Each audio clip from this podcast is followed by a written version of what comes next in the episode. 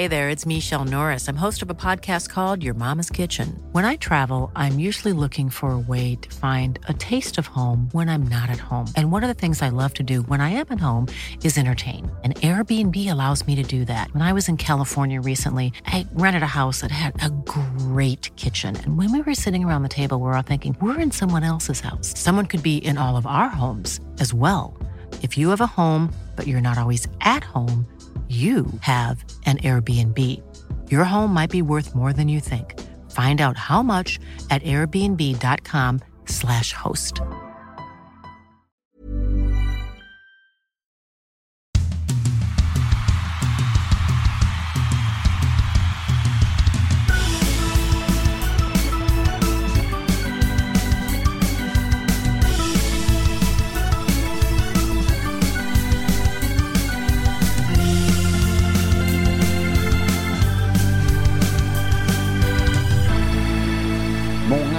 Sverige har säkerligen suttit i tv-apparaterna eller varit på Hovet den här tisdagskvällen som var när vi nu spelar in det här. Och Fredrik Söderström har tagit sig till sitt hotellrum och eh, har just kommenterat matchen och får därmed inleda, för det är ju där vi kommer inleda den här podden, nämligen på stormatchen mellan Djurgården och Modo som spelades på Hovet tisdag kväll. Fredrik, tankar direkt efter matchen? Jag fick en kylslagen promenad någon minut så att jag hann rensa skallen. Men jag tror att eh, Lars, du och eh, du och Daggen eh, kan säkert ha en, en minst lika bra analys för man har jobbat så är man så inne i bubblan. Men jag tar med mig ett Djurgården som var effektiva men eh, tycker jag lite ologiskt på något sätt. Fick 1-0, 2-0, sen lyckas man göra 3-2 i början av andra.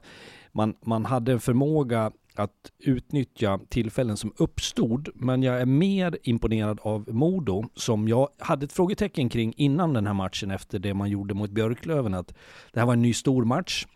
Skulle det på något sätt göra att man var blöt, men eh, man repar mod, eh, kvitterar till 2-2, man går upp till 4-4, man har 5-4 underläge, kvitterar och man åker härifrån med två poäng. Så att Modo eh, skärmar mig med sin, eh, sitt tålamod och eh, sin första lina idag. Ja, det är ett Modo som är laget att slå just nu om man kollar på den Hockeyallsvenskan. Imponerar ju. Dickinson, eh, Woods, Ågård, sjuka idag. Men Sen och Bernhard såklart. Men det är fortfarande ett, det här spelet, skickligheten, de bjuder på de här powerplayet, allting som finns, det kommer tillbaka i matchen, visar mental styrka mot ett Djurgården som jag tycker det går så sakta nerifrån, de spelar fast sig. Jag vet att du Fredrik sa i sändningen idag att nu ska vi se när de leder med 4-2. Hur går de vägar i den här matchen nu? Vart kommer den här matchen ta Spela fast sig när de ligger i den situationen. Saknar den här liksom framåt, raka tydligheten som Djurgården har symboliserat i så många år. Men skickligheten i Djurgården och skickligheten i de här målen som uppstår är ju det som sticker ut ikväll, tycker jag. Ja, men sen är det ju så här, då kan jag känna att det Djurgården behöver göra, vilket inte är någon lätt uppgift, det är ju att paketera ett, en tydlighet i spelet, för de har ju förutsättningarna sett till materialet. Eh, det är det de inte lyckas med. Jag tycker att du sa en bra grej i kommenteringen Fredrik, att, eh, att eh, det är tydligare när Modo ska anfalla hur de ska göra det. Att det känns som att grundspelet i Djurgården att det är lite mer baserat på eh, individuell skicklighet, men att det känns som att ramarna är mycket tydligare i Modo. Men det här har vi varit inne på hela säsongen också, med Djurgården, hur de spelar sitt 5 mot 5-spel framförallt. Och de lever på den här skickligheten. Kolla till exempel Krygers passning till Olle Lister, släppen på yta, och List dunkar upp ett slagskott. Den skickligheten lever de på, men de måste fortfarande hitta ett spel som kan ta dem in i matcher och det här grundspelet. Sen så vinner de matcher på grund av den här spetsen just nu. Sen är det ju så här när det kommer till det samlade, kontrollerade, konsekventa spelet så är ju det framför allt defensiven det som, som gör att du får effekt som lag. Att du, du där är du tydlig. Men det som jag tycker, som för att förstärka det du tog upp Lars, som jag sa då under sändning var ju att jag tycker man kommer iväg, för det är ju det som är grejen. Spelar du en lång förklaring, en, en kort, så är det ju så här att om du spelar samlat, konsekvent och tydligt defensivt, så ligger du rätt när du väl vinner puck och ställer om. Sen att Modo har Ågards eh, skott just nu, Woods fart och, och, och mm, Dickinsons egenskaper, de kommer som en följd av att du kommer iväg på ett bra sätt. Och det är det där som jag tror att, att eh, Djurgården Djurgården, jag ska inte säga behöver förstå, för de är intelligentare än vad jag är på många positioner där, men de får ju inte ut det nu i alla fall. Sen så tycker jag att eh, Fagervall gör en bra grej inför tredje, ändrar om lite, vaskar om i kedjorna, jag med om. får verkligen fart på, alltså Rensfeldt är ju bästa spelaren i Djurgården, eh, kan man nästan säga att han är underskattad i det här Ja, Djurgården. det tycker jag. det är nästan sjukt att man säger det. Men Men det är ju problemet lite grann, eller problemet, men det är i alla fall eh, en sak med Djurgården att med Klasen, med Kryger, med Norman, med Brodin, de unga talangerna. Det, vi drunknar i spännande namn där och då är det ju några sådana där spelare, jag pratade med Emil Berglund under sändningen som inte är, är lika kreativ men, men det finns de som är nyttiga. Jag tycker Rensfeldt är ruskigt bra. Ja, han är, han Ja. är grym i spelet. Men en sak till. Idag, Kevin Karlsson spelar, tycker han var bland de bättre backarna. Förra matchen, tre minuter, innan det begränsad speltid också. Det är ju en spelare som måste spela i det här laget, oavsett hur stark den här backsidan är, för han, han bryter verkligen och får fart framåt i det här spelet. Och nu är de borta Alm och Ytterell klev ju av under matchen, vilket gör att det borde ju ännu mer finnas eh, utrymme för hans kreativitet. De, har ju, de spelar ju hårt på, på Killing och, eh, eh, nu tappar jag namnet här. Elliot. Eh, Elliot, Stefan Elliot, ursäkta. Eh, och det är klart att eh, det blir ju en, där bakom, de får ju, alltså de går ju så pass hårt på första backparet. Men det är ju självklart att Kevin Karlssons kreativitet behövs för att sätta fart på anfallsspelet. Just det med tanke på att de får möta samlat försvar väldigt ofta.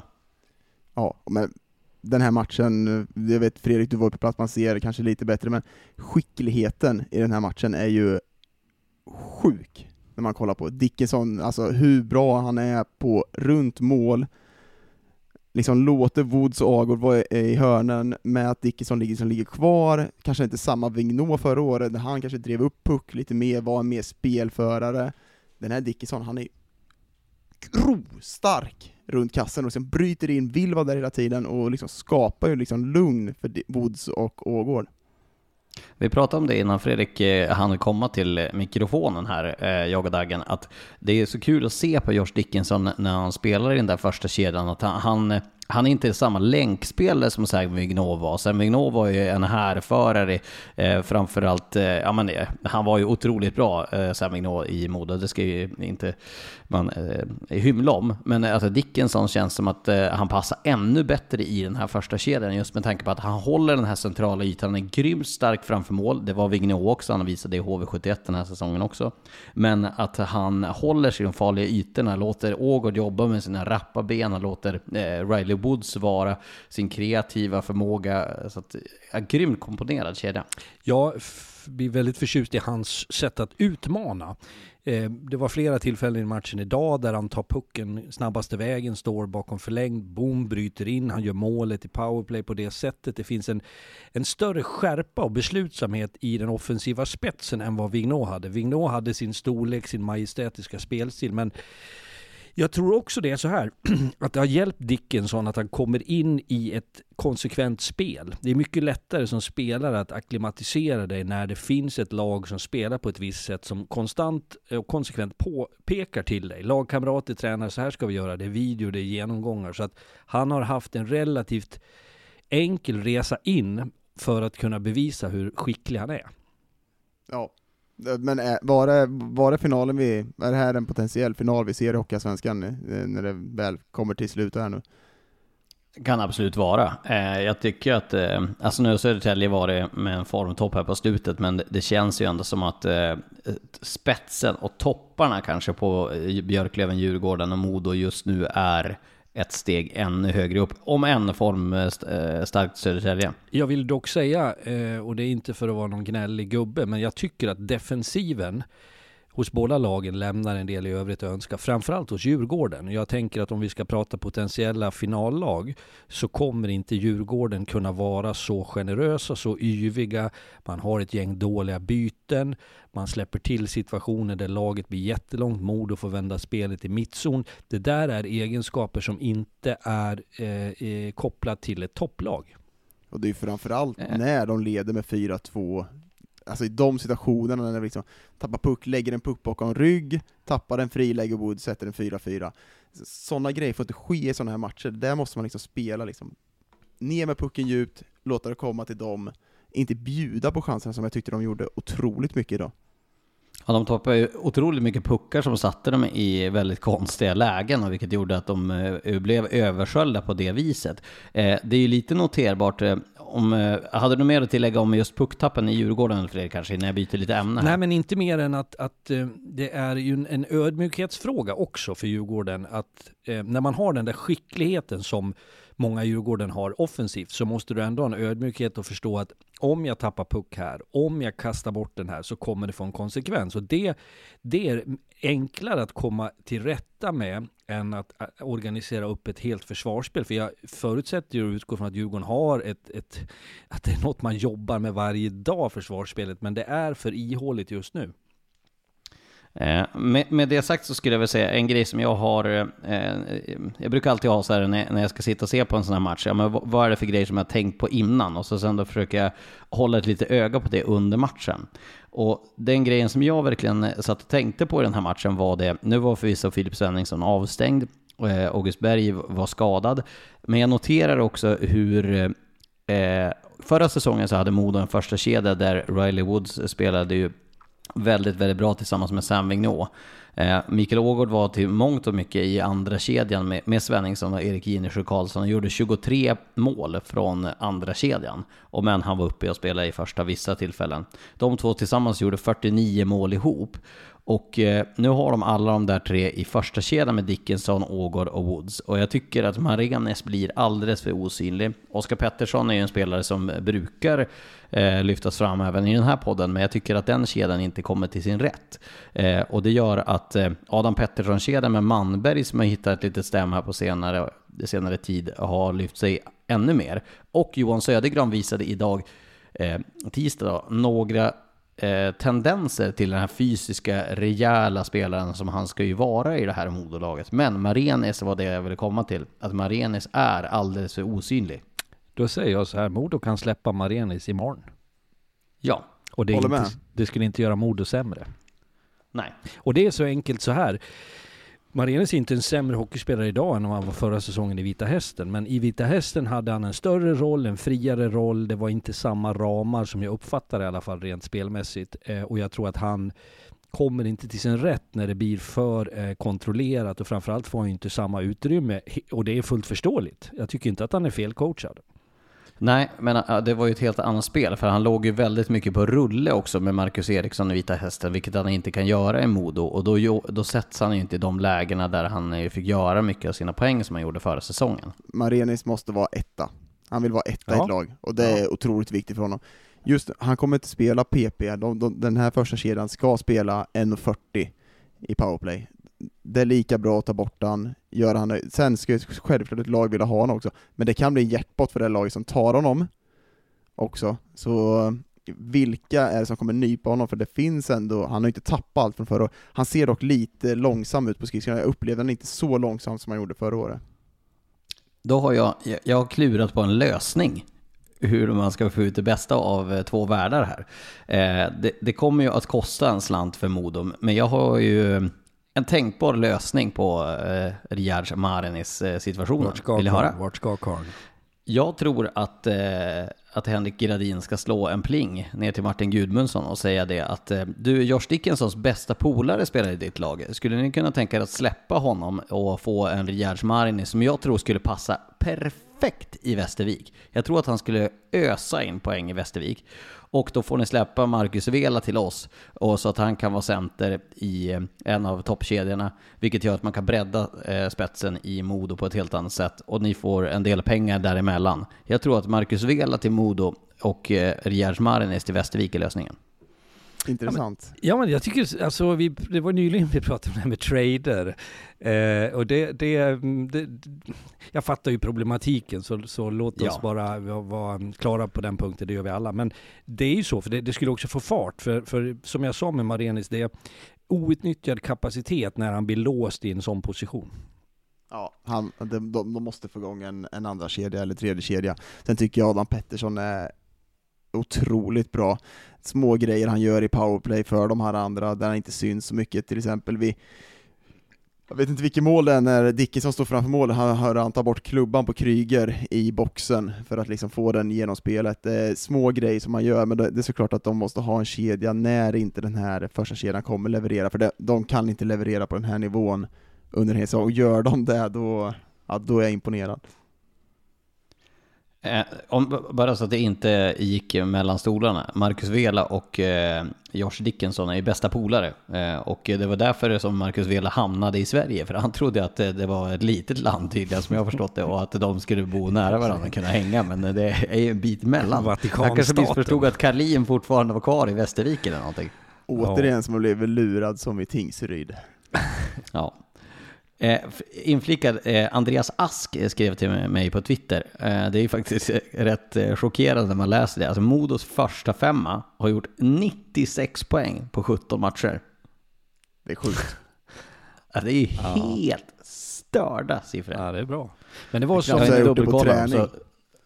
Ja, exakt. Men det som jag vill säga med att ha en bra första kedja förutom det uppenbara, det är också att det blir eh, en tydlig tydliga rollfördelningar i, i ett lag. Eh, det, det, är inte helt ovanligt, jag skulle säga att det är ett, ett kännetecken på ett framgångsrikt lag, att de här första kedjan levererar en andra och en tredje. Sen kan vi, som vi var inne på nyss, Dagen, du pratade om att man ska poppa upp en andra och en tredje som kanske ska prestera lite mer, för de kan ju inte vara stekheta varje dag. Jag hade nämligen en känsla idag att när inte Kryger, Klasen, eh, Liss på samma sätt var het, så tänker jag, men då kanske det är eh, Knatte, Fnatte och Tjatte där med Ögren, Östlund, Läckerimäki till exempel. För så kan det ju vara ibland att då ska du ha en andra, en tredje som kan poppa upp. Men eh, hur som helst, har du en första lina som levererar, du kan i alla fall inte vara annat än nöjd med det.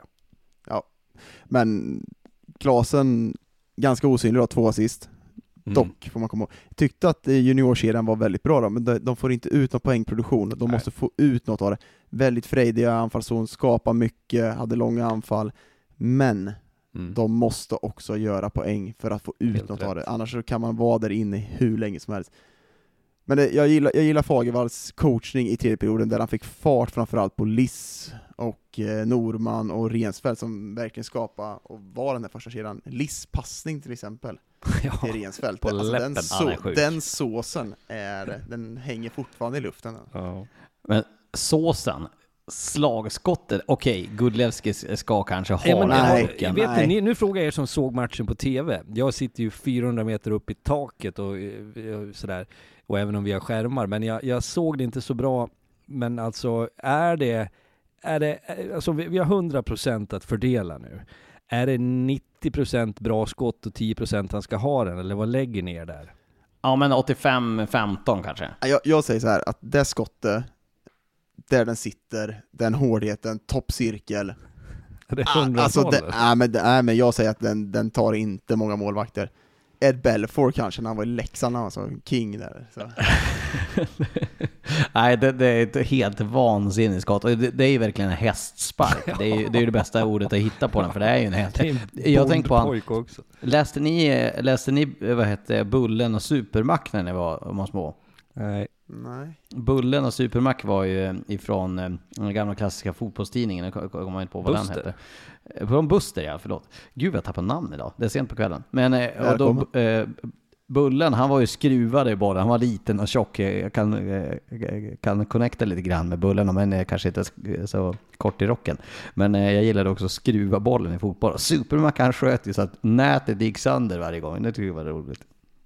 Nej, det var ett otroligt skott av Olle Liss. En grej till eh, om Modo, vi håller oss eh, kring den här matchen. Jag vidhåller ju, och jag sa det på Twitter, och jag, där fick jag lite mothugg från vissa. Jag tycker att Gudlevski inte håller. Eh, alltså han är bra ibland, men han är inte den där första målvakten att luta sig mot genom ett slutspel. Både, och jag, jag ska ju verkligen säga att jag inte är någon målvaktstränare här nu, men Fortfarande 92% såklart, men det är ett bra försvarsspel. Jag kan hålla med till viss del att de kanske måste jag tror inte att de letar aktivt efter en målvakt om man säger så, eh, för jag tror att de är ganska trygga i Gulevski. Jag har, jag har ju varit tveksam, jag har varit skeptisk. Jag börjar istället bli mer och mer övertygad om att han faktiskt har kapaciteten till det. Kul att vi tycker olika för en gångs skull. Ja. Eh, jag, jag baserar det här på att eh, han är bra, eh, jätte, jättebra i vissa matcher. Jag kommer inte ihåg exakt vilken match det var här nu, men jag såg han också på försäsongen i någon träningsmatch där han var hur bra som helst. Eh, men om, under vissa matcher så tycker jag att han, han, blir så fladdrig. Och det kanske är någonting med deras försvarsspel, att eh, de inte hjälper honom tillräckligt mycket. Men jag tycker att, alltså med Tex förra säsongen, han var ju en helt annan stabilitet. Och några snäpp upp till och med jämfört med vad Gudlevski så var det den här säsongen. Sen ska jag eh, öppet och ärligt erkänna att jag är klappkass på att bedöma målvakters eh, allt annat än huruvida de räddade eller inte, vilket är en som vanlig tränare så är det ett, ett, ett fenomen. Vi, vi, är så bortskämda med målvaktstränare som förklarar varje detalj och siffror och sådär. Så att, eh, därför är det svårt att göra en djup analys. Men låt mig säga så här då, att det är ju det Tex gjorde förra säsongen med Modo var ju en vansinnigt viktig del i att de lyftes upp på en bra nivå och var väldigt bra. Det kan vi väl konstatera. Tex ja. var en av, har varit en av seriens bästa målvakter i Hockeyallsvenskan när han spelade. Jag tycker ändå att, jag som jag sa innan, jag tror inte Modo går ut på en målvaktsjakt. Jag tror att de är ganska säkra på det. Jag tycker inte heller att de är i stort större behov av att få in en målvakt heller, för jag, på något sätt så gillar jag hans stil. Han är stor, täcker mycket, stabil, gör många matchvinnande räddningar idag, eh, på slutet, till exempel innan målet, när han sträcker ut ordentligt, så han har ju verkligen toppen. Vi, vi, säger så här då, vad tycker ni? Eh, skriv till Rinkside eller till Daggen, mig eller Fredrik på Twitter. Vad, vad tycker ni? Håller ni med? Är Gudlevskis tillräckligt bra för att eh, leda Modo som första målvakt i ett slutspel? Eller är han det inte? Får vi höra vad folk Splittra tycker. inte landet nu Lars. vad, vad, tycker vi om Djurgården då? Vi har pratat lite grann om vissa som sticker ut och sådär, men, men det är ju... Eh, jag trodde att 2-0, att då, då skulle matchen glida till deras håll rakt ut, men det hade jag uppenbarligen väldigt fel på. Jag, jag tycker att den avsaknad av eh, att det liksom, det spelet som vi har pratat så många gånger om, 5 mot 5 spelet, att det inte är en det är ingen rapphet i det, de som körs fast sig, de backar, tar hem pucken för mycket i försvarszon. Jag såg några gånger idag till exempel när forwards sticker ur zon, backarna tar hem den, spelar fast sig åter, åter, åter igen, flera gånger, och speciellt när de är i ledning tycker jag, då tar de ner pucken, tar ner tempot för mycket. Det här är ett Djurgården som, med den skills och den farten som de har, så borde de kunna utnyttja det här bättre. Och jag vet inte riktigt vad problemet om det är en spelidé att man ska hålla pucken inom laget extremt mycket, för det känns nästan som det, att du liksom inte vill ge bort den, någonting. Nej men jag, jag tycker att det vilar ett visst eh, övermod eh, när det gäller Djurgårdens spel med puck. Och jag kan förstå på ett sätt varför det har uppstått, för man har en, en hög skicklighetsgrad hos många spelare. Då vill man eh, driva matcherna, föra spelet, vara kontrollerande. Men som idag var det ju en orgie i eh, att ge bort puckar på grund av att man vände hem ett kort pass hem till backen, satte han i skiten samtidigt som Modo också eh, visade skicklighet på det där. Och det är möjligt, så här ska vi säga, det är möjligt att Djurgården kan klara det mot de sämre lagen. Då kan man, kan man spela på det sättet. Men Djurgårdens stora utmaning för att ta steget upp till SHL igen är ju att göra de bästa lagen sämre genom sitt spel. Och det tycker inte jag att de har bevisat fullt ut för mig än. Just på den punkten. Spelet med puck hela vägen nerifrån är omständigt. Otroligt omständigt och jag fick nästan panik när jag såg det idag, hur mycket de liksom kladda i varje situation och men det är fortfarande spets i Djurgården som är enorm, som får dem att vara med i den här matchen, och det, det, liksom, det måste man liksom ta till sig, att den, den, finns där. Och hittar de rätt i det här 5 mot 5-spelet, och hur man ska spela, då kan det bli riktigt bra. Ja men så är det. Och sen låt mig bara säga som avslutning på Djurgården från min sida. Min kritik grundar sig på deras uppenbara avsikt att ta sig upp igen. Alltså mina förväntningar är extremt högt ställda. Därför kan jag i min position ha den kravbilden på dem. Det är därför jag tycker att de är Eh, har mer att ge. Men det är ju fortsatt två i tabellen. Ja men själv, ja. alltså det är såklart de har jag tycker inte de har levt upp till de förväntningar vi hade. Vi hade ett HV som kom ner förra året som hade spel, men jag tycker att avsaknaden av spelidé inte finns där. Och vi såklart vi har höga krav på Djurgården, det är ett Djurgården som kommer från SHL, som har ambitioner att komma tillbaka direkt med den här truppen som de sitter inne på. Vi ska ha höga krav på de här. Det ska se bättre ut. Ja, det, det, tror jag vi är helt överens om. Eh, och som ni säger, de är ju trots allt två i tabellen. Men eh, ja, vi, vi får se vad vi kan dra mer för växlar från det. Var det punkt på den matchen eller har vi något att tillägga? 8094 fullsatt eh, tycker jag var kul. Jo det var det. Det kan jag bara säga att det var ett jädra drag på Hovet. Kul för en på en tisdag tycker jag. Eh, och eh, jag tänker att vi kan väl bolla över till den andra Stockholmsmatchen som var i, eh, i måndags när AIK klev ut mot Kristianstad och gjorde eh, 5-0 i den där matchen, och, vilket gör att då var det inte fullt. nu är helt plötsligt Kristianstad är neddragna i det där eh, nedre regionen i princip. Det var inte samma fest igår direkt på Hovet, får man säga. Nej. Men däremot ett AIK som mm. imponerade på mig. Jag tycker att de, efter halva matchen, hur man kommer in i den här, hur man liksom attitydsmässigt vill spela pucken, vill driva upp det, Det var ett helt annat AIK mot vad jag varit, har sett de senaste matcherna, och det var en attityd i det som jag gillar. Och sen att man hittar den här kedjan med Rockwood, Bagenda, Öhman som jag tyckte var väldigt, väldigt bra igår. Jag såg ett Kristianstad som var alldeles för tama, helt olikt sin egen identitet. De var lite gnälliga. Gat var missnöjd med lite domslut. Jag tyckte det präglade en, en, en gnällig uppsyn på Kristianstad, som jag vet kan mycket bättre. Det är därför jag, jag säger det.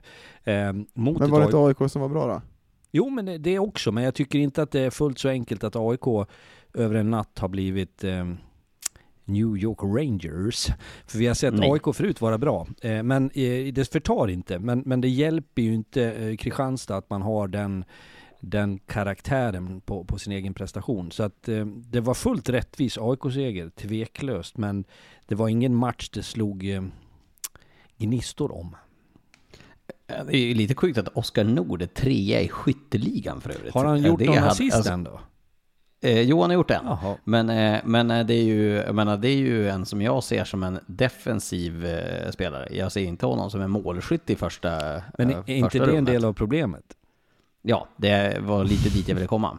Eh, bra att du snappade upp den. Nej men eh, AIK, jag tycker också att vi har sett AIK bra i vissa matcher.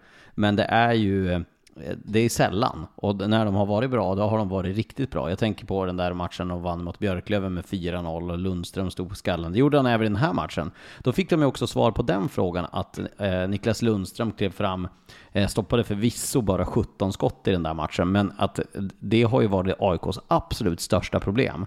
Att de måste få att målvakterna steppar upp lite grann också. Ja, jag tycker inte han varit provad så hårt igår kanske, men det, jag tycker fortfarande att de ska hitta en lekkamrat till Gynge och en målvakt som ska vara nummer ett varje kväll. Det där eh, för jag tycker att eh, en Gynge som kan komma upp här lite och skapa lite mer som vi pratade om precis, att Nord är problemet, kanske att han har gjort, att det är han som leder det offensiva, det är inte han som ska göra det. Och Magnusson, Dvorski, tillsammans med Gynge, lite fart där, men det är fortfarande, han måste ha en lekkamrat. Vi har lite summeringar imorgon, eh, onsdag blir det ju då, Björklöven, Karlskoga. I en paus, höstens lite summeringar och då, jag ger en liten teaser. AIK är ju ett frågetecken. Eh, och det är ju för att vi har sett storartade eh, insatser och vi har sett eh, rent ut sagt svaga eh, insatser. Och det där det, det, finns ju någonting, om jag säger så här, av, av, om jag ska göra en okulär besiktning av 14 lag i Hockeyallsvenskan, det vill säga när man tittar på dem så här, vad skulle man kunna göra någonting åt? Så finns det ju ibland en känsla hos laget att men det där, de är inte bättre än så. Men AIK har ju så många uppsidor tycker jag, och på pappret så pass mycket spännande spelare, så att därför har jag inte gett upp hoppet om AIKs förmåga att lyfta. Nej, Nej, men det måste fortfarande, det är för många som ska lyfta i det laget, och som ja, inte har gjort det hittills. Det är det. Och det är för många som står och väntar på att också få det lyftet. Many of us have those stubborn pounds that seem impossible to lose, no matter how good we eat or how hard we work out. My solution is PlushCare. PlushCare is a leading telehealth provider with doctors who are there for you day and night to partner with you in your weight loss journey. They can prescribe FDA-approved weight loss medications like Wagovi and Zepbound for those who qualify. Plus, they accept most insurance plans. To get started, visit plushcare.com slash weight loss. That's plushcare.com slash weight loss. Hey there, it's Michelle Norris. I'm host of a podcast called Your Mama's Kitchen. When I travel, I'm usually looking for a way to find a taste of home when I'm not at home. And one of the things I love to do when I am at home is entertain. And Airbnb allows me to do that. When I was in California recently, I rented a house that had a great kitchen. And when we were sitting around the table, we were all thinking, we're in someone else's house. Someone could be in all of our homes as well. If you have a home, but you're not always at home, you have an Airbnb. Your home might be worth more than you think. Find out how much at airbnb.com/slash host. Verkligen.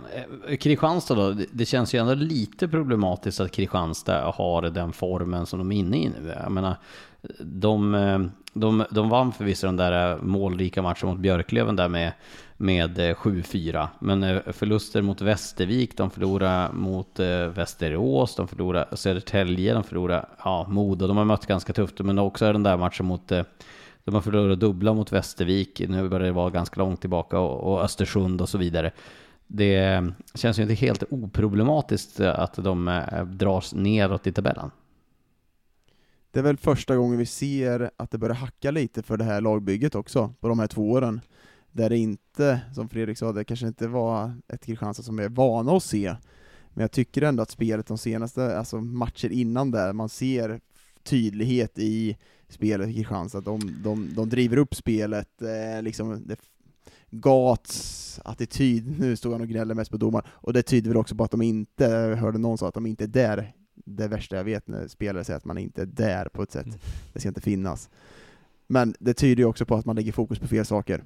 Och Gat lägger fokus på domarna när han inte känner att han kan vinna. Det vet jag också, jag har varit med om det så många gånger när han har mött oss. Men det jag bara kände var någonstans att det var Eh, när man säger blek, det är ett väl använt ord som är så jävla luddigt, men jag, jag säger det ändå för att det var inte sam, samma tryck i grejerna och jag tycker att Kristianstad för mig är fart, det är energi, det är fullfölja varje situation. Det tycker jag inte att de hade. Jag tror inte att det handlar om någon lång bussresa som är problemet eller utan de, de hade en, en, en sämre dag. Men det kan mycket väl vara, vi, vi får ändå säga det för det är så svart och vitt är det inte. Det AIK kanske kom ut och, och präglade matchen på ett sånt sätt att, att eh, Kristianstad fick problem.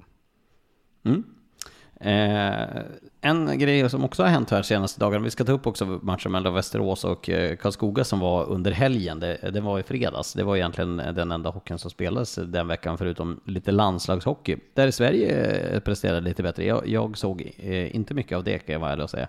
Eh, men eh, Patrick Newell är, klart, är klar för Södertälje som tar in en eh, 26-årig forward för att eh, förstärka det här AIK-laget. Och jag tycker det var kul att läsa med tanke på att de har värvat en del från ICHL, eh, Södertälje, som har varit med, ja men, eh, olika framgång kan vi väl vara snälla och säga. Eh, att han eh, sa på, jag kan citera rakt av från deras hemsida, han sa att Patrik är en spelskicklig forward med bra händer och bra fart och den spelare som de redan i somras eh, tittade på och att eh, han sa även att det var inte för hans prestationer i ICHL som de eh, scoutade för. Det kanske är lätt att säga så, men eh, där brukar ju annars Georgsson vara väldigt bra på att pinpointa. Att hitta någonting från tidigare i karriär eller från Nordamerika där han kan placera dem i, i Hockeyallsvenskan med framgång. Jag tänkte sen nu så här, ICHL, för att prata om ECHL, men det är det inte, men du är nere i Östeuropa då? Ja. Jag, han var, Ferencvaro eller vad var han var? Precis, Fenerbahce. Fehervar. Eh, sen var han i Stjärnen i norska ligan före det. Jag var ju ett par år i Norge så att jag, jag kan värdera norska ligan. Så siffrorna där, han hade alltså 51 poäng på 42 matcher i Stjärnen. Eh, det är ju svårbedömt för att hockeyn ser lite annorlunda ut. Men jag tänker alltid så här att gör du 51 poäng så, så är du ju liksom inte stelopererad. Utan du har ju någonstans eh, någon, några egenskaper. Så att eh, jättenyfiken att se, är han spelklar? Eh, det är väl migrationspapper som ska in och eh, det är väl i så fall frågan då om man kan spela mot Almtuna imorgon eller om det blir på fredag när eh, Södertälje möter Björklöven hemma. Ja, jag vet faktiskt inte, men eh, vi får väl hoppas att det blir klart så snabbt som möjligt. Det brukar ju lätt vara så att eh, har du en bra kontakt där kan du få något stämpla det där pappret på ett sätt. Det var i alla fall så. Sen kom, det här var jag faktiskt med om, det här var ju när eh, den här stora flyktingvågen eh, från Syrien, eh, pratar vi 2015 15 kanske.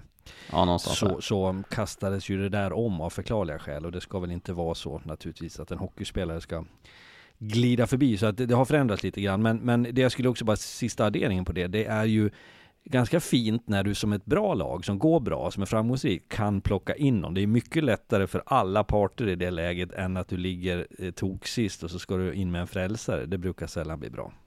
Men fem, 51 poäng i norska, det, alltså det säger mig ingenting. Jag har varit med om spelare som har kommit in i Hockeyallsvenskan och gjort mer poäng och varit klappkassa. Jag har haft spelare som kommit in i Hockeyallsvenskan och gjort mindre poäng, som varit hur bra som helst. Så det, det, jag har så svårt att se de här norska poängen, hur de tas in i Hockeyallsvenskan, som man kan se i andra ligor, som man kan applicera in i Hockeyallsvenskan.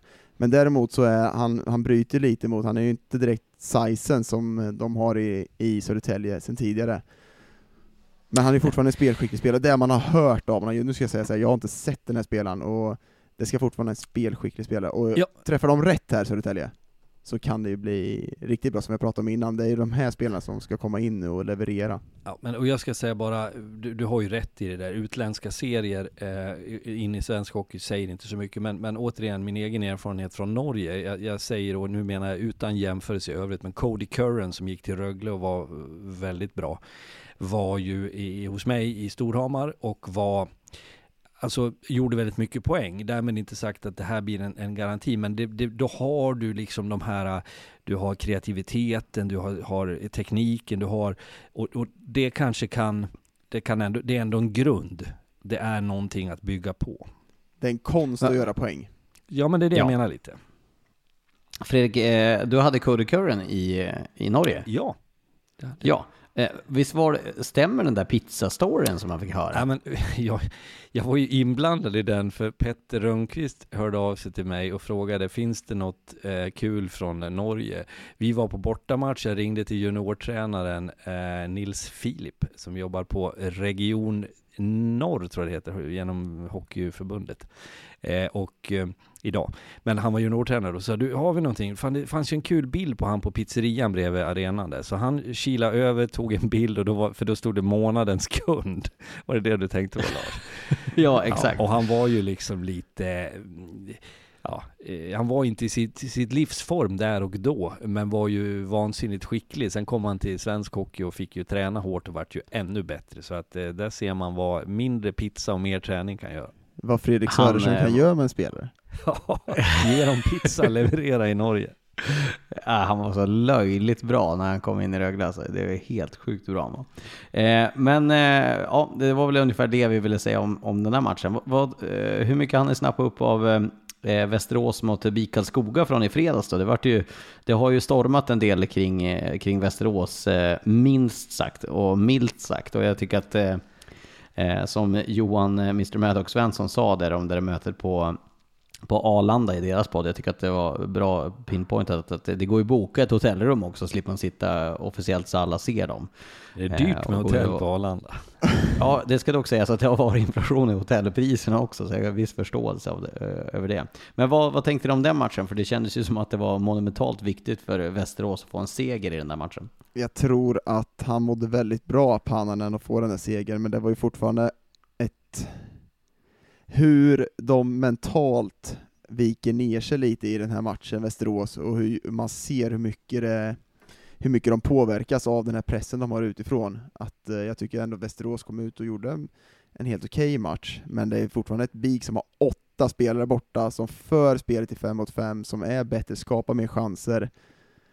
Men starkt av Västerås att vinna, och livsviktigt för Pannanen att vinna också, men eh, det kommer ju fortfarande vara frågor om de här tränarfrågan, för den har ju varit ute där och som sagt, man kan ju boka ett hotellrum så det liksom tystas ner på något snyggare sätt.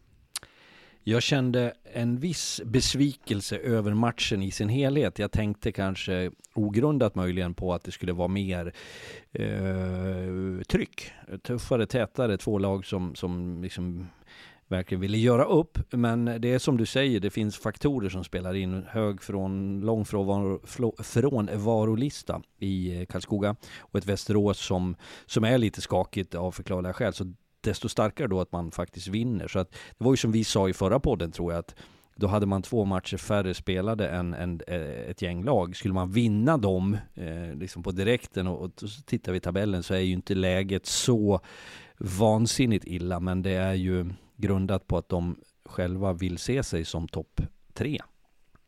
Ja, problematiskt för, för eh, Karlskoga dock att ha så pass många spelare borta med tanke på att nu ska de åka upp och möta Björklöven här på eh, imorgon onsdag då när folk lyssnar på det här. Eh, och eh, efter det så har man hemmamatch mot AIK om jag inte minst är helt galet. Eh, så det är ju fel tid att ha så många spelare borta när, när det är viktiga poäng på spel. Och med tanke på att toppen där, ska man hänga på i topp 6 så gäller det ju att börja plocka poäng. För de börjar plocka på poäng, de som är där uppe nu. Det, det börjar bli en, man ser lag som kommer ta topp fyra till exempel, Södertälje, Modo, Björklöven, Djurgården, som man ser plocka poäng i vardagsmatcherna. Mora. Mora kommer också. Det är många lag som liksom har steppat upp här nu, men eh, Karlskoga har fortfarande två målvakter som de kan vinna matcher med, och visar ju det också när de har åtta borta, och den betydelsen är ju enorm i det här Karlskoga. Jag vill ju påstå att vi går in i en fas nu eh, av säsongen där, där klyftorna ökar nu. Eh, där du ser vilka lag som plockar på sig poäng och sticker iväg. Om det är fem, sex lag upp eh, och det är några i botten som kommer få tävla rejält hårt. Så att det är, eh, november är ju en sån här period man teoretiskt pratar om den mörka månaden där du där du, där du äh, skiljer agnarna från vetet, säger man vetet. så? Mm. Från vetet. Eh, det blir, och det är ju bara för att det blir så intensivt matchande. Nu har det varit ett uppehåll på en, en vecka ungefär. Eh, och då blir det ju alltid att det ska tryckas ihop här innan jul. Det är också det att juluppehållet är ju, nu är det inte fullt lika långt i Hockeyallsvenskan. I SHL så är det ju landslags, eh, landslagsbreak där också, vilket gör att det är lite längre uppehåll i, i SHL. Så brukar det i alla fall vara. Nu har jag inte 100% koll på hur spelschemat ligger runt jul. Men eh, det är ju som du säger, det är ju, nu börjar det vara skador. Man har ju Många lag har ju också tiden här under den här veckan som har varit att rehabilitera lite spelare som har varit borta. Men det, ja, viktig tid vi går in i nu. Ja, ja och, och det, Västerås har ju Västervik ja. borta, Modo hemma nästa. Det blir ganska viktiga matcher också. Det är ju kniven mot strupen hela tiden nu för det här Västerås, och verkligen de måste hitta ett, ett spel som, som vinner tillbaka publiken på något sätt, där de liksom får med sig de här anhängarna, supportrar, eh, sponsorer på tåget här nu. Det är ju deras största utmaning. Eh, sen ska jag bara säga också eh, att jag tycker att eh, all cred till Pananen, vi ska inte fastna i det där, vi behöver inte älta det vidare, men på sättet han har hanterat och uttryckt sig i media i en väldigt ansträngd situation. Mycket bra. Ja, för för det, det kan ju inte vara en, en lätt period. Eh, som han sa, han sa väl något citat om att det, det finns två sätt att hantera en situation. Det är att eh, lägga sig ner och dö. Och då menar han inte bildligt såklart, utan eh, hur man hanterar det. Det tycker jag är kudos till hanteringen av det. Så det, det skriver jag gärna under på. Han har ingenting Men, att förlora just nu. Han Nej, verkligen inte. Bara vinning, och jag tror att många i det där laget vill ha kvar Pannanen också. Det känns som att han har fått med spelarna på det här, men då också måste han få dem att prestera på något sätt. Men det är väldigt, väldigt starkt gjort i den här situationen av Pannanen. Verkligen. Vad, vad har vi mer då från ligan som ni, ni, tänker om? Nu ska ju alla lag starta upp här igen och det känns ju högintressant det vi har framför oss eh, eh, imorgon Fredrik. Vi ska ju mm. vara i Umeå och se Björklöven mot Karlskoga och Björklöven som ju har varit lediga nu ett tag efter den där eh, 7-4 matchen mot Kristianstad där. Eh, och så vann de mot Västerås hemma då, eh, borta efter det med 5-2. Va, vad tänker du om den matchen? Eh, ja, men, eh, låt mig kort före det bara generellt säga att det är, det är, intressant efter ett uppehåll också. Jag såg ju Dagen, du var ju ute i sociala medier och dundrade om att man skulle vila. Eh, eller du får utveckla det sen om du vill. Eh, jag säger det med en skämtsam ton. Men eh, jag vet i alla fall att man kan förvalta ett uppehåll på ett bra sätt och det handlar om att investera lite grann för framtiden oavsett om det är med träning eller vila. Så det tycker jag är lite intressant generellt. Tar vi Björklöven Karlskoga så vet jag ju att Karlskoga åkte upp i premiären och gjorde en väldigt bra match där. Jag tror Daggen kan bekräfta också att Eh, generellt brukar Karlskoga vara bra där, det, historiskt sett. Men jag har förväntningar på ett Björklöven som, ska, som liksom har tagit de här kliven i rätt riktning, byggt upp eh, poängkungar och, och målkungar och, och breddat sig lite grann i liksom prestationerna. Så att eh, det där tror jag kan bli en bra hockeymatch. Ja, eh, men det är som sagt ett Karlskoga som har otroligt mycket skador som kommer få gå på manskap som är, de har tagit in Tobias Sjökvist som division 1 nu, eh, som förstärker, men det är fortfarande, jag tycker målvakterna, eh, med de två som står, Volden och Helgen, så kan de fortfarande steppa upp och vinna de här matcherna med så många forwards och backa borta. Så det, det blir viktigt. Men sen, eh, uppehållet Fredrik, vad jag Mm. menar med, som jag tycker är viktigt med de här uppehållen, det var ledig från varann. Sen kan du det. träna hur mycket du vill, men du Jag måste få ett break. Mm. Och jag, jag vet att många tränare inte släpper. Nej, nej men på så är det. Du har en poäng där och det grejen är ju att man, eh, jag tror att man är rädd för att för den här friheten med att vara ledig, klarar de av det eller, eller käkar de eh, muffins och, och dricker folkbärs hela dagarna? Jag tänker så här för att låta som Bror Duktig nu, att du kan göra både och. Du kan ha eh, eh, komp, alltså en ledighet som är flera dagar i följd för att du ska, precis det du säger Dagen, slippa varandra, slippa tränarna, vara hemma med familj eller vara ute med polare eller vad du nu gör när du är ledig. Eh, och sen när du tränar så tränar du. Så att kombinationen där tror jag är nyckeln och därför så är det väldigt viktigt hur ett schema ser ut. Det är en sån grej som man kan tycka, ja men vadå, var lite ledig, ja, men någon gång vi tar någon ledigt här och där. Nej, det där ska vara genomtänkt så att du verkligen är ledig. Jag, jag, när vi hade Sam Hallam så hade han ett, eh, han hade alltid bara två dagar innan match tränar man, aldrig längre, inte längre. Alltså för försäsongen självklart, men två dagar break, två dagar break hela tiden. Och det, det tror jag på. Går du upp på längre träningstid, då tror jag att man blir trött på varandra. Du blir liksom, du måste få vila mentalt, se något annat, slappna av, åk till Ibiza, träna gym om du behöver det, men gör något annat. Men blev det något Sa annat? ja, exakt. Eh, Dagge, sa inte du någonting sånt till, till mig i fjol när ni var, när du då var spelare? Jag har för mig att jag gjorde en intervju med dig när du sa det att nu måste vi få spela match, vi är så jävla less på varandra att ni, det var slagsmål på varenda träning. Ja, Vi hade ju Karl, Karl hade ju någon idé där vi skulle träna fem dagar i rad innan några något uppehåll där och det, då, alltså jag, jag hatar det. Alltså jag hat, jag älskar att träna, jag älskar att vara i hallen eh, och liksom vara med laget, men du behöver ett break för att rensa skallen och det, och jag menade verkligen Lars, när jag sa det. Jag tror inte att folk alltid förstår heller hur tätt in på varann man är i ett hockeylag.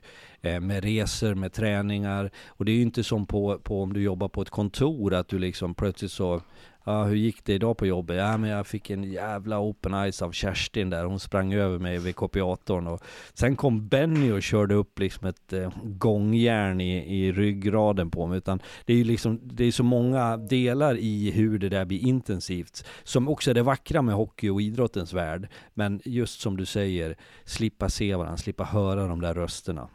Ja men fattar du, vi spelar tre mot tre i fem dagar och Björka dunkade upp sju i kryss och stod och flina varje gång åt fjärde kedjan där liksom.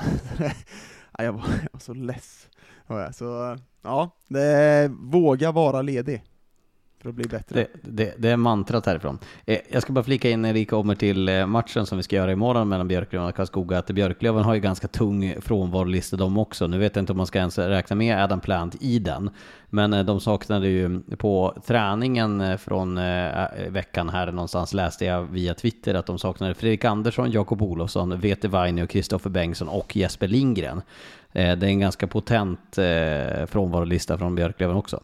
Ja, men det är fortfarande ett Karlskoga är mycket mer sårbara eh, vid skador. De har inte den breda truppen som Björklöven och de här topplagen har. Karlskoga har dock en, en bra grund att stå på, men det är fortfarande inte bredden på samma sätt.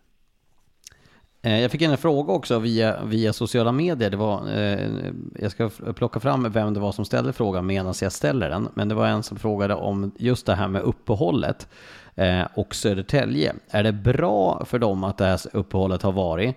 Eller kan det vara liksom eh, att det blir lite jack i skivan när de hade en så pass bra eh, flow inför eh, uppehållet? Men jag vill svara på det på lördag tänkte jag. ja, exakt. Nej, men så kan det naturligtvis vara. Men jag, för just i Södertäljes fall så kan jag känna att jag tycker inte att det har varit så här eh, rån från deras sida eller wow, allt det bara studsar med. Utan de har ju, de har ju verkligen presterat bra. Så att eh, jag tror inte, jag skulle bli förvånad om det var en tillfällighet, verkligen. Jag med. Jag, jag tror bara att det är positivt, precis som eh, de andra lagen behöver få breaken. Sen så tror jag att till exempel ett lag som Almtuna, de i botten, de vill verkligen spela. De behöver poängen, de vill ut där och liksom prestera. Jag tror mer att de här topplagen mår bra av ledigheten. Där var du inne på någonting, det, det, kan vi ju lyfta. Det har ju kavlats ut en hel del från Almtuna håll också om ordentliga problem med ekonomin där. Jag läste någonting om, om eh, intäktssidan från sponsorer och liknande som har i princip halverats och det låter ju väldigt alarmerande. De la väl till och med ner damlaget till, jag tror jag till och med att jag läste. Det Tufft. blåser rejält. Men det, det, det ska väl fortfarande inte skäras ner något på spelartruppen och de ska fortfarande ta in förstärkningar jag känner väl att, att någonstans är det något lag som ska kunna hantera det ändå. Eh, även om jag lider med dem så är det Almtuna, för de, de har inga förutsättningar att, att prata högt om ändå och ändå gjort det väldigt bra under många år egentligen sett till, sett till förutsättningar. Så att det, det, men sen är det ju inte kul och det är ju olyckligt och det är, mm, jag, jag kan ju också förstå, det är ju det, det är en podd i sig som inte vi ska behöva ta nu, men det är ju tuffa tider i samhället i stort och eh, med allt vad det innebär och det är klart som fasiken att det påverkar hockeyn också. Jag reagerar på eh, rent allmänt eh, vad som händer i världen när man läser liksom de absolut stabilaste och rikaste bolagen i världen liksom måste börja skära ner. Liksom eh, Facebooks ägare som äger Instagram och Twitter, Amazon varsla om uppsägningar på 11 000 människor. Nu pratar vi globalt stort här, vi ska komma tillbaka till Hockeyallsvenskan. Men det är ju också, jag menar som AIK, hemmamatch mot Kristianstad en tisdag, det är 2000 pers på plats det, det kommer att slå också mot ekonomin på klubbarna nu när folk har mycket mindre pengar i plånboken eh, och folk lyxar på ett helt annat sätt, eh, mycket mindre nu än vad man gjorde för eh, två, tre år sedan innan pandemin och även under pandemin när man väl fick gå på ishockey. Det gäller, det gäller att hitta någon, någonting mer, ett mervärde för att kunna få tillbaka publiken. Nu, nu kostar allting, bilen kostar, bensin, allting, hyra, el, man orkar inte ens prata om vad det Men det gäller också att få dit folk, hur får man dit dem? Vad gör man för att jobba med det? Måste bjuda ett mervärde. Så är det. Och det, det som en del klubbar är, sen, sen är det orättvist att jämföra, men eh, som, som kan lyckas få familjedagar eller hyllningar. Jag tycker sån är en fin grej när man, det behöver inte, ta, det behöver inte vara världens längsta ceremonier, men att du gör någon kväll för den gamla spelaren. Att du, du någonstans, för det, det vi ska komma ihåg också, att mitt i allt elände med krig och det har varit pandemier och det är inflationer och Eh, så, så, så måste människor få du måste få utrymme och tillgång till någonting som gör dig glad, som får dig att må gott. Och i sammanhanget så är en hockeybiljett inte lika dyrt som full tank på en stor bil. Eller, alltså du, du, du kan inte bara lägga dig och dö. Nej, verkligen inte. Men jag, när vi var i Tingsryd så pratade jag lite med marknadssidan där och de säger att deras genomsnittliga åskådare har 3-4 mil till hallen.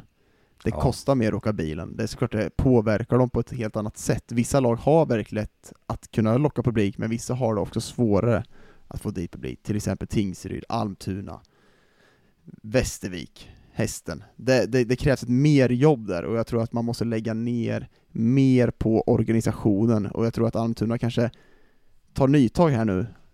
Kolla på hur organisationen fungerar. Det här måste bort, det här måste vi lägga prio på för att bygga nytt. Eh, det är ju otroligt mycket snack om värvnings... Eh, när vi får en fråga så är det i princip eh, Pols, Polsan. Ett frågar vad Modo ska värva.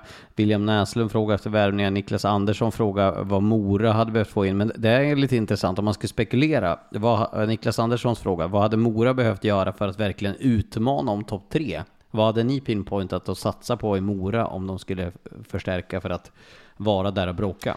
Oj, låt mig bara säga så här att det är en värvning under säsong kräver oerhört stor skicklighet eh, för att hitta rätt. Eh, för det är också så att för varje gubbe in så, så rubbar du laget och gruppen och strukturen på ett sätt som jag förstår, det är många som spelar sånt här, jag har aldrig gjort det i hela mitt liv. Säger man tv-spel eller datorspel där man manager och allt vad fan det är. Det har ju gjort... Säger lite grann om dig ja, själv. Ja, men det, det gör det. Men det är också det är för att jag har levt i verkligheten, de andra lever i tv-spel. Och där är det ju säkert jättetrevligt att plocka in någon och köpa någon och sådär. Så ser det inte ut i riktiga livet. Det där måste vi jobba bort. Det här jävla sociala medievärvandet får upphöra.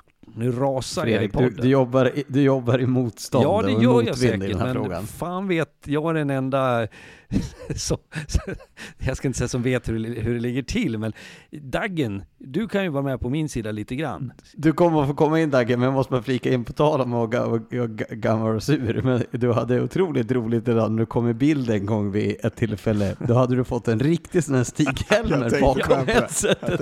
Och jag försökte hinna fotografera det, men hann ju inte. Men det var så otroligt Sen roligt. växte det upp en Stig. växt ur Ja, i min, min krås där i bröstfickan. Ja. Du har rugga problem med bröstnäsduken Jag har du sett det? Ett helvete, jag måste Ja. gå på kurs i det.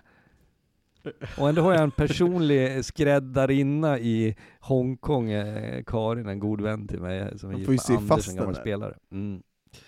Ja, men apropå värmningarna, jag håller med Fredrik här. Det här är en skicklighet att kunna ta in de här. Jag tycker att när HV tar in till exempel en spelare som Keller förra året, som de vet kan prestera på i svensk hockey, vi har ju varit inne på det i podden innan, och där måste man vara noga med de värvningarna. Att det är en spelare man vet kan prestera i svensk hockey. De här spelarna som inte har varit i svensk hockey och inte testat på spelet, som inte vet vad det handlar om, där lyder en större osäkerhet. Och de är lediga på grund av någonting, det har vi pratat om innan också. Varför de blev lediga? Jo, för att de inte presterar i den miljön de är. Jag tror att det är ett namn som kommer dyka upp i Hockeyallsvenskan. Eh, jag tror att han... Eh, Poängmässigt. ja, tre poäng eh, tror jag jag läste, eh, och jag dubbelkollade det också. Tre poäng tappade den här säsongen på 13 matcher. Eh, och han kom ju in och eh, charmerade. Det, det som Tyler Keller har som X-factor, det är ju hans vriden och vändande. Att han kan ju ockupera ett lag, i ett motståndarlag. Ja, Verkligen, och det var det överjävligaste eh, jag såg förra säsongen med de här korta vändningarna, små vändningar i eh, i zon, hur han skapar lägen för sig själv hela tiden. Sen såg jag också Johan Eriksson varit ledig nu också ute på marknaden. just det. Almtuna. Lämna Storbritannien va? Precis, det är dock en spelare som kan vara väldigt bra, men tar också mycket energi, tror jag, i en trupp, tar stor plats. Det krävs också att han kommer in i rätt lag. Är Almtuna mottagliga för en sån spelare? De vet ändå vad han kan prestera, och de behöver också lite hjälp där. Straffgeni. Verkligen. Vet ni var han kommer ifrån? För... Johan, eh, jo, jag vet det. Det är ju från eh, Björn Aldéns eh, moderklubba. Nej, nej ja, det han spelade, men jag vill påstå att han kommer från Thomas Ledins födelseort. Vad, och det är... Sandviken. Men Ja, han var ju Sandviken. Strömsbro, rallarbo som Oldén brukar. eh, Men kolla där, du som sitter med någon maskin där. Jag ska se, vet du vem, för övrigt, eh, kuriosa, nu blir det lite quizfråga här. Eh, Vilken tv-personlighet är från Sandviken? En st- En stor sådan som även jobbar på våran kanal. Mm, Knäpptyst. Frida Nordstrand är från Sandviken. Jaha. Eh, ja, det är li- li- lite smalt, men eh, det kan vara kul att, att veta det också, att Frida Nordstrand är därifrån. Eh, Johan Eriksson är, jag var dubbelkolla, han är från Sandvikens IK, det stämmer. Bra, bra. Men han har spelat i Strömsbro. Ja, så- Vad sa du att Björn Aldén kallar dem för? Rallarbo tror jag Strömsbro kallas för. Rallarbo. Strömsbro Ja, ja, men det- får ändå väldigt stor plats i våran podd, måste jag Ja. det är Björn Aldéns makt som når hela vägen in i podden. Eh, se fram emot att se. Vi, vi har ju fått en, eh, jag, jag och Fredrik ska ju på gala på, på, eh, på torsdag. Eh, smoke, nu blir Dagge sur för han ska inte dit. Eh, men jag, jag, jag tänker att det kommer bli roligt när det står ju att man ska ha smoking på sig och jag, jag tror att det är få saker jag bär upp så lite som en smoking. Men däremot tror jag Björn Aldén Men det är smoking eller smoking. mörk kostym, för jag har inte det. smoking. Jag tänker att det är de som har gjort något för hockeyn som får ha smoking. Jag tänkte det den här röda mattan, då kommer jag skicka typ eh, Lena Sundqvist och Björn Odén på röda mattan och så kommer jag vika bakom fotografen här och gå och gömma mig jäm- jäms med en vägg. Jag brukar alltid säga det att eh, en lortig bondpöjk som mig så det har ingenting att göra på en röd matta. Och jag eh, berättade en kul grej om det där. Jag var in på en butik i Leksand där jag bor och så jag skulle ha lite tillbehör till eh, kläder och då säger den här kvinnan som driver den fina klädbutiken att ja, men vad kul, ska du gå på fest med mamma och pappa? För att min mamma och pappa ska på den, min pappa i egenskap av gammal hockeyspelare. Eh, Men det kändes ungefär som att jag skulle få gå dit med mina föräldrar, men det ska jag inte! Visst var det, visst var det Håkan Södergren som var rapp och säga åt dig att eh, du blev bjuden för att gå som plus en till pappa? Ja, och om han skulle ha folkdräkt på sig tyckte Södergren var bra. Jag tror ni kommer få en fin kväll, tror jag, grabbar. Och jag tror att det kommer bli många fina hyllningar. Eh, det tror framförallt Börje. Det var min brygga med det här nämligen, för att eh, vi måste ju beröra det som har hänt eh, under helgen också. För eh, alla som jag har hört som har någon form av koppling till hockey, eller man behöver inte ens ha det. Bara du har hört orden Börje Salming någon gång. Jag minns, jag såg en bild på Börje Salming när han satt på Båstad Open på, på läktaren på, och såg på tennis. Bara, det här är bara något år sedan. Han satt liksom med sexpack och eh, brunbränd. Och Börje har ju alltid varit den här som man har som har stått för liksom eh, varit förändrade liksom europeers eller eh, kanadensarnas syn på europeer i, i NHL. Eh, det var före min tid, eh, men Börje Salming är så förknippad med kraft och styrka och se honom svag gjorde, ja det var så jävla tufft att se alltså.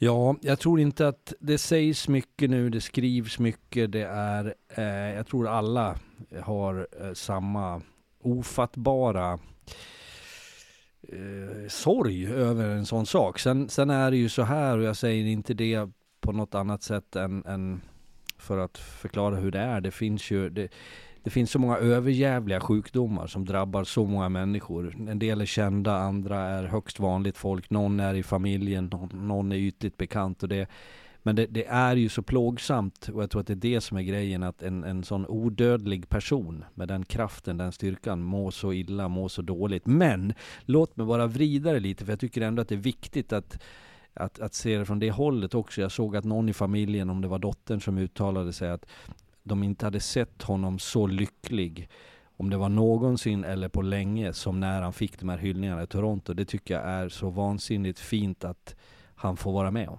Men vad, alltså det var ju så oerhört fint att se hyllningarna, se den här ceremonin, men det gjorde ju ont att se det på samma sätt. Det var, det var en mm. konstig känsla där man liksom greps med på, alltså man sällan har gripits med. Sen har inte jag jag är lite för ung för att ha upplevt Börje, men man har alltid hört från farfar, från pappa, den här, den här människan som ni förklarar, att det är en, en pionjär för hockeyspelare att komma över till NHL, som har varit den här spelaren som har tagit stryk, som har liksom stått längst fram och liksom har varit nästan omänsklig, och sen ser han så svag men ändå så rörd och så fint som det var, och så bra de är på de här hyllningarna det var, det var häftigt men ändå jobbigt på något sätt.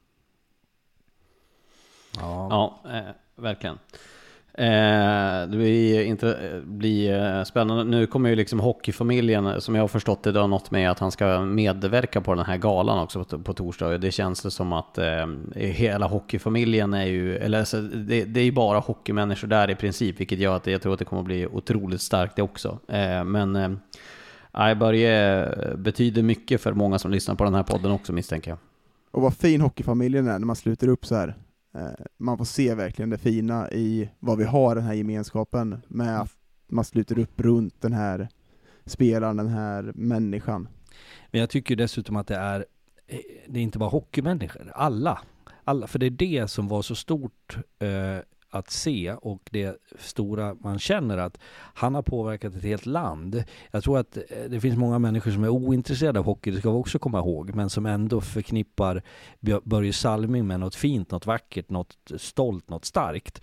Eh, och det som jag tycker, den här ödmjukheten han har visat, han, han är den bästa av de bästa när det kommer till att visa vad, vad idrottsmanna eh, typer ska handla om, hur de ska bete sig, den där ödmjukheten, den där varma sidan, samtidigt som han var kraftfull och täckte skott och alla stygn. Det, det, det är unikt på så många sätt.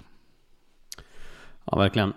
Eh, med det så summerar vi eh, veckans podd och eh, vi eh, lyfter på hatten till allt som Börje Salming gjort. Och för att vända det här till eh, en avrundning så säger vi det att det är eh, kul att hockeyn rullar igång igen här när vi har eh, matcher. Det är matcher onsdag, torsdag, fredag, lördag. Det är matcher varenda dag nu igen och då kommer vi tillbaka till den här rätten som Fredrik som tycker man ska ha. Det ska vara hockey varje dag. Så det finns ju tillbaka nu i vår kalender igen.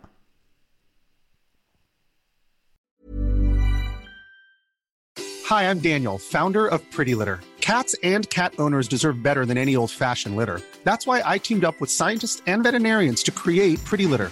Its innovative crystal formula has superior odor control and weighs up to 80% less than clay litter.